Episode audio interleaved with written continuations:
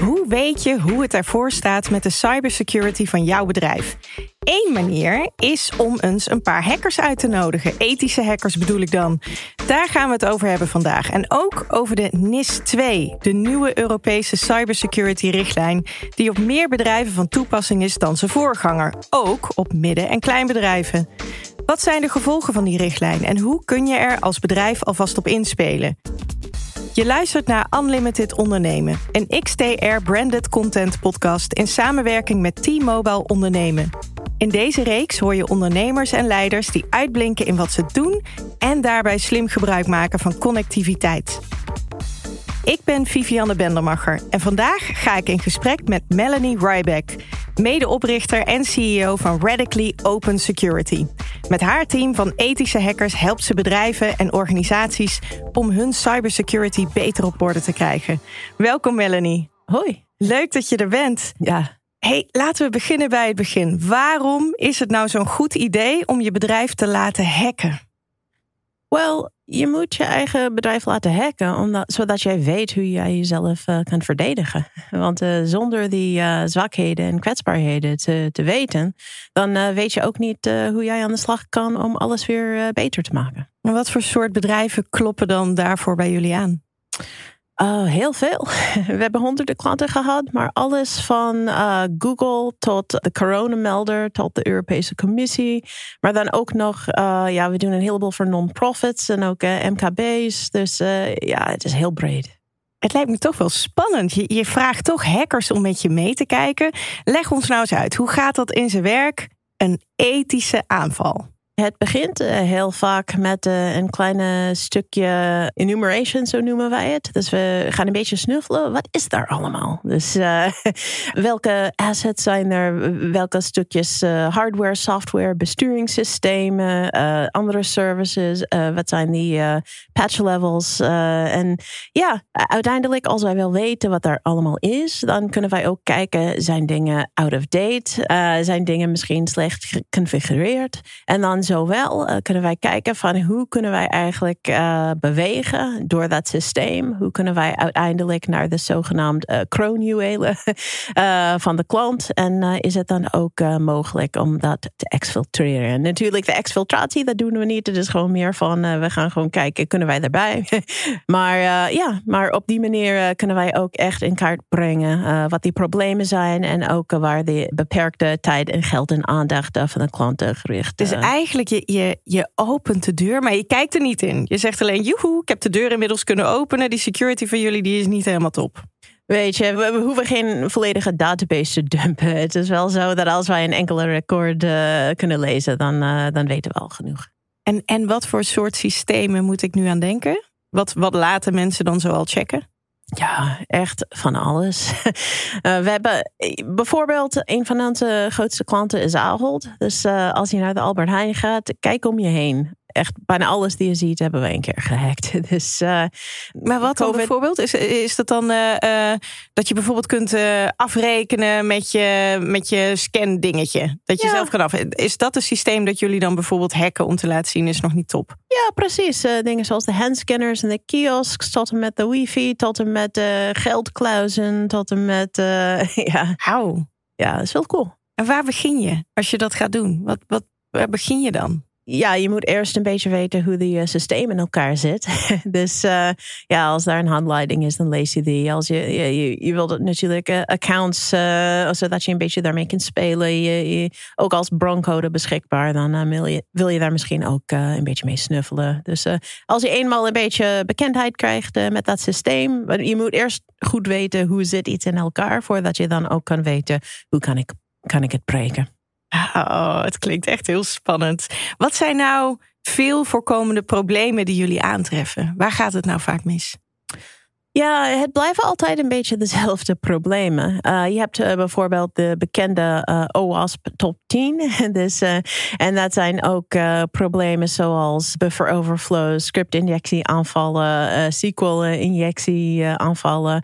Maar ook ja, als wij het hebben over netwerken, je hebt natuurlijk ook configuratiefouten, problemen ook met authenticatie en access control. Soms heb je wel wachtwoorden die te zwak zijn of SSH-sleutels. Zien we dat nog veel? Zwakke wachtwoorden? Ja, tuurlijk. Ja, ja. dat krijgen we er maar niet uit, hè? Um, nee. wat, wat is, uh, even sidestep, maar toch voor iedereen die nu zit te luisteren, wat is nou de beste tip voor dat sterke wachtwoord? Ik denk in ieder geval uh, wachtwoordkluizen. Dus uh, als je ook uh, door je browser bijvoorbeeld de wachtwoorden automatisch kan laten genereren, dat is wel iets goeds.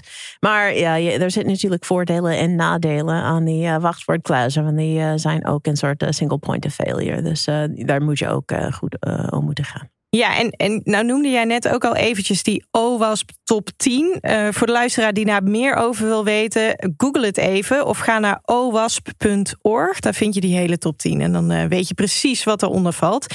Dan gaan we nu naar onze expert van vandaag, Egbert Kroon, innovatiedirecteur bij T-Mobile. Luister maar even mee wat hij hierover zegt. Nou, wat we zien in eigenlijk elke branche in binnen de zakelijke markt, is dat digitalisering een hele belangrijke en ook steeds een versnellende trend is veel organisaties werken al digitaal of die zitten in die transitie. En met die digitalisering neemt ook het belang van de digitale veiligheid toe. Vanuit T-Mobile hebben we klantonderzoek gedaan om te kijken uh, ja, welke rol kunnen wij daarin spelen. Wat betekent dat? Hoe kunnen onze klanten daarbij helpen? Nou, wat we zien daaruit is dat hoe groter de organisatie, hoe meer men bewust is van digitale veiligheid. En hoe kleiner de organisatie, hoe meer het iets wat op de achtergrond is, uh, uh, dat speelt. Nou, we hebben eigenlijk drie onderwerpen ontdekt die, die spelen. En die eerste is eigenlijk het menselijke gedrag. hoe gaan hun werknemers, hoe gaan hun klanten om met die digitale veiligheid? Je ziet dat, dat privé en zakelijk steeds meer door elkaar heen gaan lopen, zeker na corona. Uh, mensen werken thuis, mensen hebben een mobiel uh, van hun werk gekregen. Maar ja, het is ook niet super handig om nou twee mobieltjes te hebben. Dus ze zegt, nou ja, oké, sta maar toe dat je ook privé gebruik eh, mag maken van een mobieltje. Maar ja, ze weten vaak niet, ja, wat doen ze met die mobiel? Welke websites bezoeken ze? Welke apps installeren ze? Wat gebeurt er als ze hem kwijt raken? En al, al mijn informatie staat erop. Dus dan vinden ze best lastig hoe ze daarmee om moeten gaan ander onderwerp is dat ze best wel wat aannames uh, doen over ja, mijn bedrijf. Ik ben, uh, ik ben helemaal niet interessant voor al die hackers. Het zal mij niet overkomen dat ik uh, slachtoffer word van ransomware. Wie vindt mijn informatie nou relevant? En ze denken vaak ook dat ja, die verbinding met internet en wifi, die zijn wel veilig. Daar hoef ik mij geen zorgen over te maken. En een van onze klanten die we spraken zei, nee, ik vind veiligheid heel belangrijk. En vroegen we nou, oké, hoe ben je dan nu verbonden met je wifi? Ja, het wifi van de buren. Dus uh, uh, ja, hoezo? Kan dat nou echt uh, fout? Het is natuurlijk een mooie aanname dat je internetverbinding je volledig beveiligt. Maar we hebben natuurlijk geen grip op de apps die je installeert. Op mensen die je bedrijf inlopen. Wat je klanten doen. Hoe je wifi wel of niet open staat. dus het ligt echt wel bij, bij, bij zo'n bedrijf om dat op te lossen. En als laatste onderwerp zie je toch wel van ja, wie Oké, ik heb een probleem met veiligheid. Hoe ga ik dat nou oplossen? Wie kan ik vertrouwen? Naar wie moet ik toe? Uh, ik krijg heel veel partijen eh, die tegen mij vertellen dat ik uh, me veilig moet maken. Maar wie doe ik dan? Met wie doe ik dat? En dan gaan ze echt op zoek naar lokale partners. Bedrijven, personen die ze kennen, omdat ze samen in een businessclub zitten, bij de voetbal of bij de hockey. En, en daar halen ze hun oplossing. Maar ze weten eigenlijk niet of dat dan echt de beste oplossing voor hen is. Dus ze leggen heel veel vertrouwen in handen van zo'n lokale partner. Uh, vertrouwen is goed uh, daarin, maar ja, doe, probeer echt zelf je onderzoek daarin te doen of een specialist op te schakelen. Praat ook met meerdere partijen, praat niet met één partij. Zoek gewoon meerdere partners op en bel eens met een groot bedrijf, laat je ze informeren, kijken of ze wat, wat ze je vertellen. En uh, ja, maak het gewoon onderdeel van je bedrijfsvoering. Het is, het is net zo belangrijk als je logistieke stromen, als je fysieke pand. Het is niet iets wat je erbij doet, denk ik. Maar het is gewoon onderdeel van je, van je core business en die moet je beschermen. Egbert Kroon hoorde je, innovatiedirecteur bij T-Mobile. Melanie, klinken deze aandachtspunten herkenbaar voor je? Ja, zeer. er is wel een grote verschil tussen grote en uh, kleine bedrijven. Uh, hij zegt wel dat uh, die grotere bedrijven hebben wel meer bewustzijn en kennis van zaken. Dat is ook zo. Maar het is ook wel zo dat ze hebben ook minder overzicht van wat ze allemaal op een netwerk hebben. Als je kijkt naar die zeer grote telecom providers, er zijn echt zoveel mensen en zoveel kantoren. En je hebt altijd, weet je, die, die technoot die toch, wel, toch maar die Raspberry Pi aan de netwerk gaat hangen. En die probleem is ook, en zeker nu dat ja, heel veel mensen thuiswerken, Ja, eh, wel nu, nu uh, inmiddels zullen VPN's uh, goed geregeld zijn na, na, de pandemie. Maar natuurlijk voor die tijd hadden mensen ook hutje met je eigen tunnels ook gemaakt. En het is ook zo dat zelfs om dat in kaart te brengen bij zo'n grote organisatie is bijna al een soort onderzoeksproject. Ah, ja, want je zegt wel van de meeste bedrijven zullen nu die VPN dan wel eindelijk op orde hebben. Maar moet je nou als bedrijf nog even goed niet even terug gaan kijken naar die coronatijd en wat er in die tijd misgegaan kan zijn, ook al heb je nu je VPN op orde? Ja, maar het is ook, ook wel zo dat aan de andere kanten van die eh, VPN-tunnel natuurlijk, je hebt ook die thuisnetwerken van mensen. En uh, je hebt ook uh, heel veel devices die ook op die, op die netwerk komen. Dus veel meer ook bring your own device. Dus uh, wat dat betreft, die probleem is uh, zeker niet opgelost. Het is alleen een beetje verplaatst. dus, uh... Ja, en we krijgen er allemaal steeds meer mee te maken. Want cybersecurity is al een prangend onderwerp voor de meeste bedrijven. Maar op Europees niveau komt er straks um, een hele stevige stok achter de deur bij de nieuwe cybersecurity-richtlijn NIS 2, die in tegenstelling tot de vorige ook voor veel MKB's gaat gelden. De Europese Raad en het Europees Parlement bereikten hier afgelopen mei een voorlopig akkoord over. Na definitieve goedkeuring hebben lidstaten dan nog 21 maanden om het om te zetten in nationale regelgeving. Nou, even los van al die timings, Melanie, mhm. in een notendop. Wat houdt die richtlijn in, NIS 2? NIS 1 was meer uh, reactief. Dus uh, ja, je hebt een uh, datalek, hoe moet je dan handelen? Terwijl NIS 2 uh, juist meer proactief is. Dus ze gaan eigenlijk uh, proactief bedrijven scannen. dus uh, alweer kijken naar ja, hoe, hoe zit alles eigenlijk in elkaar? kunnen wij kwetsbaarheden vinden? Daar hangt zelfs certificaties aan. Vooral voor vitale en ook belangrijke sectoren. Dus bij NIS 2, dat geldt uh, gold al voor uh, vitale sectoren, dus uh, kritische infrastructuur. Dat dus was in NIS 1. NIS 1. Dus ja, ja, ja. als je denkt bijvoorbeeld aan de financiële sector en transport. En, maar dan NIS 2, daar komen veel extra sectoren bij. dus bij de belangrijke entiteiten, we hebben het meer over ja, de post, courierdiensten, afvalverwerking, de chemische industrie, voedsel, medische apparaten en computers en elektronica en uh, auto's en veel andere dingen. Computers, elektronica, auto's. Dat is echt heel veel breder dan NIS 1. Dat klopt. Maar het geldt uh, niet alleen voor die sectoren, maar ook voor de hele toevoersketen. Dus, uh, en, en, en daarom gaat het veel MKB's uh, ook raken. Dus als je zaken doet, ook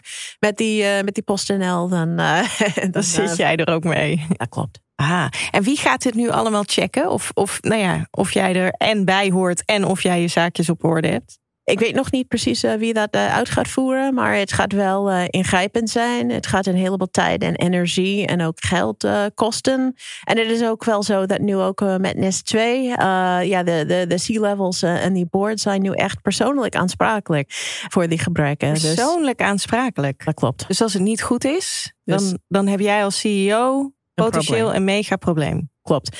Ja, en daar, en daar hangen boetes aan vast. Want van 1,4 uh, eh, tot en met 2 procent eh, van je jaarlijkse omzet. Dus uh, tot een maximum van 10 miljoen. Dat dus, serieuze bedragen, ja. Dat klopt. En wanneer val je, val je daaronder als bedrijf? Voor wie geldt het nou? Dat geldt uh, voor uh, bedrijven die uh, 50 werknemers hebben en 10 miljoen euro in jaarlijkse omzet. Zo, dat is echt een grote groep mhm. bedrijven hè, voor wie dit nu geldt. Ja, dat klopt. Ik wil nog even een stapje terug, want je had het over ransomware-epidemie. Is het echt zo erg geworden nu? Ja, en het wordt steeds erger. Er zijn criminele bendes. Het is echt een hele industrie geworden. En, en sommige is zelfs uh, gesponsord uh, door uh, ja, bepaalde staten. En ik heb het niet alleen over Rusland hoor. Want je, je, hoort ook verhalen over bijvoorbeeld Noord-Korea. die ook wel samenwerkt met die criminele bendes. Dus wat dat betreft, ja, het is een soort publieke-private samenwerking van bepaalde landen. En ja, dat is natuurlijk zorgwekkend. Want uh, omdat het een soort ja, geldverdienende industrie is, dat betekent ook dat uh, zij ja, serieuze investeringen maken in die infrastructuur om dat soort cybercrime te kunnen plegen. Blijft een soort kat-en-muisspel, hè? Mhm. Even terug naar die NIS 2. Hoe kijk jij naar de komst van NIS 2? Wel, ik heb een beetje gemengde gevoelens uh, over NIS 2. Er zijn natuurlijk heel veel uh, nieuwe um, eisen die hangen aan uh, NIS 2.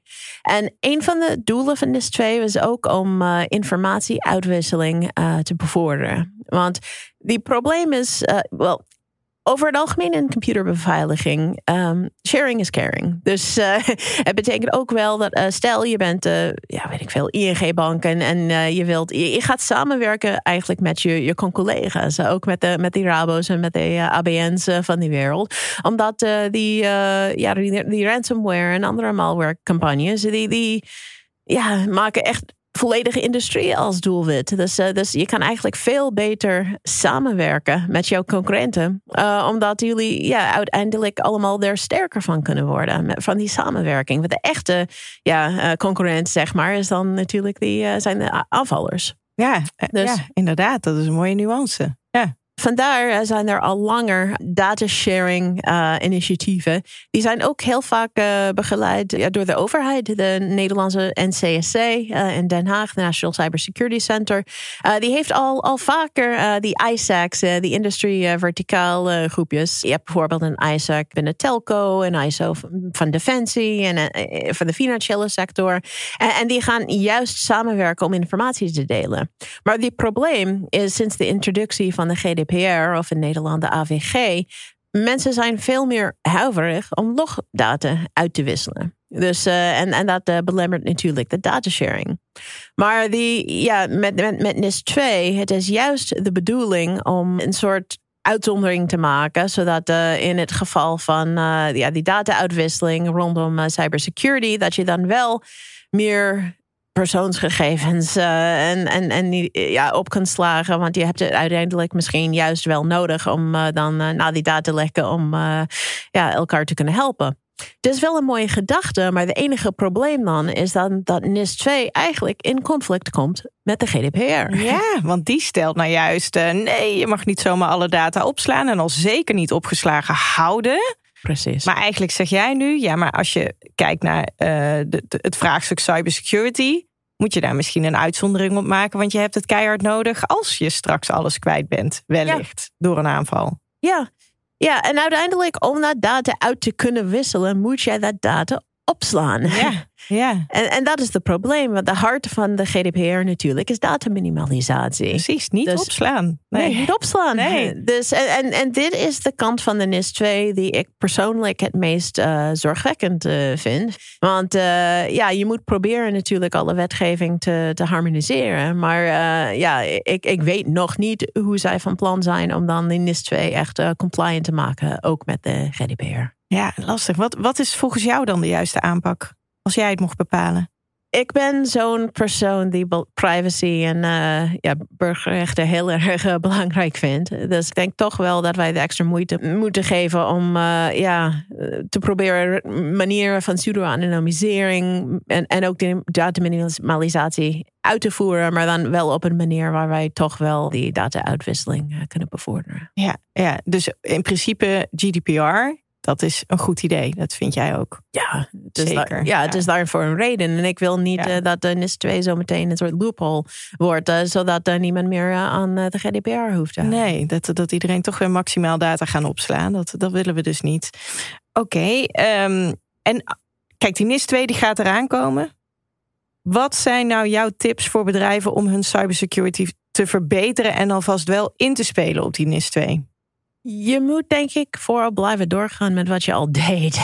dus uh, wat dat betreft, natuurlijk ja, die, vitale sectoren, de belangrijke sectoren, die zijn al langer bezig om uh, ja, hun informatiebeveiliging omhoog te schroeven. Dus wat dat betreft, nog meer doorgaan met bijvoorbeeld penetratietesten op je eigen infrastructuur. En uh, ja, goed regelen van uh, toegangscontrole, een, two-factor, een goede backups. En uh, ja, al, allemaal van die ja, goede wachtwoordbeheer. Allemaal van, van die normale dingen. En voor de rest ja, ik, ik, maak mij wel een beetje zorgen ook met, met, met die wetgeving. Dat door dat extra laagje compliance ook, dat Weet je, alle, alle geld die gaat naar die uh, compliance vraagstuk. Soms uh, ja, en alle extra bureaucratische overhead is wel geld die je dan niet stopt in ja, het daadwerkelijke verbeteren van, van je technische implementatie. En, en het trainen van je, van, van je personeel. Dus uh, wat dat betreft, ik weet dat ja, NIS 2 heel goed gaat zijn voor bedrijven zoals die van mij. Want het gaat heel veel uh, extra business genereren. Maar het is ook wel zo dat stel dan dat jij de uh, boete van uh, 2%, betaalt ja, door zo'n audit. Dat is wel geld die dan niet gaat naar het, ja, het verbeteren. Ja, naar het verbeteren. Het is ook hetzelfde. En ook met die persoonlijke ja, aansprakelijkheid die, die C-levels en boardleden nu hebben. Ja, je, je kan je daar denk ik tegen verzekeren. Maar dat is dan, ja, en dat zullen denk ik de meeste bedrijven wel doen. Maar dat is dan wel geld die gaat naar de verzekeringsmaatschappij. en niet het doel een beetje voorbij. Hè? Het is een, een, een, flink concreet dreigement. Dus dan zou je hopen, nou, nu gaat iedereen toch wel wakker liggen, eindelijk van cybersecurity. Ja. Maar misschien toch niet, want je gaat je juist een beetje voor afdekken. Ja, en ik denk wel uh, dat je ook de vraag moet stellen, ook met die kleinere partijtjes. Want het gaat al, alweer, het gaat heel veel van die MKB's ook uh, beïnvloeden. Want het, het, het, gaat niet alleen om die vitale en, en, belangrijke sectoren, maar ook de hele toevoersketen. Dus als jij een MKB bent die toevallig ook uh, zaken doet met een Philips, dan ja, val je er net zo goed onder. Maar dan moet je ook de vraag stellen: is het eens mogelijk? Om compliant te worden. En, en het was ook een beetje hetzelfde met de, de GDPR. Het is over het algemeen onmogelijk om echt volledig uh, compliant te zijn uh, met de GDPR. En tot nu toe zijn er ook relatief weinig uh, boetes ook uitgedeeld hoor. Volgens mij was het veel 600 of zo ja, to in totaal en ja, een, ja. een, een dozijn ongeveer in, in Nederland.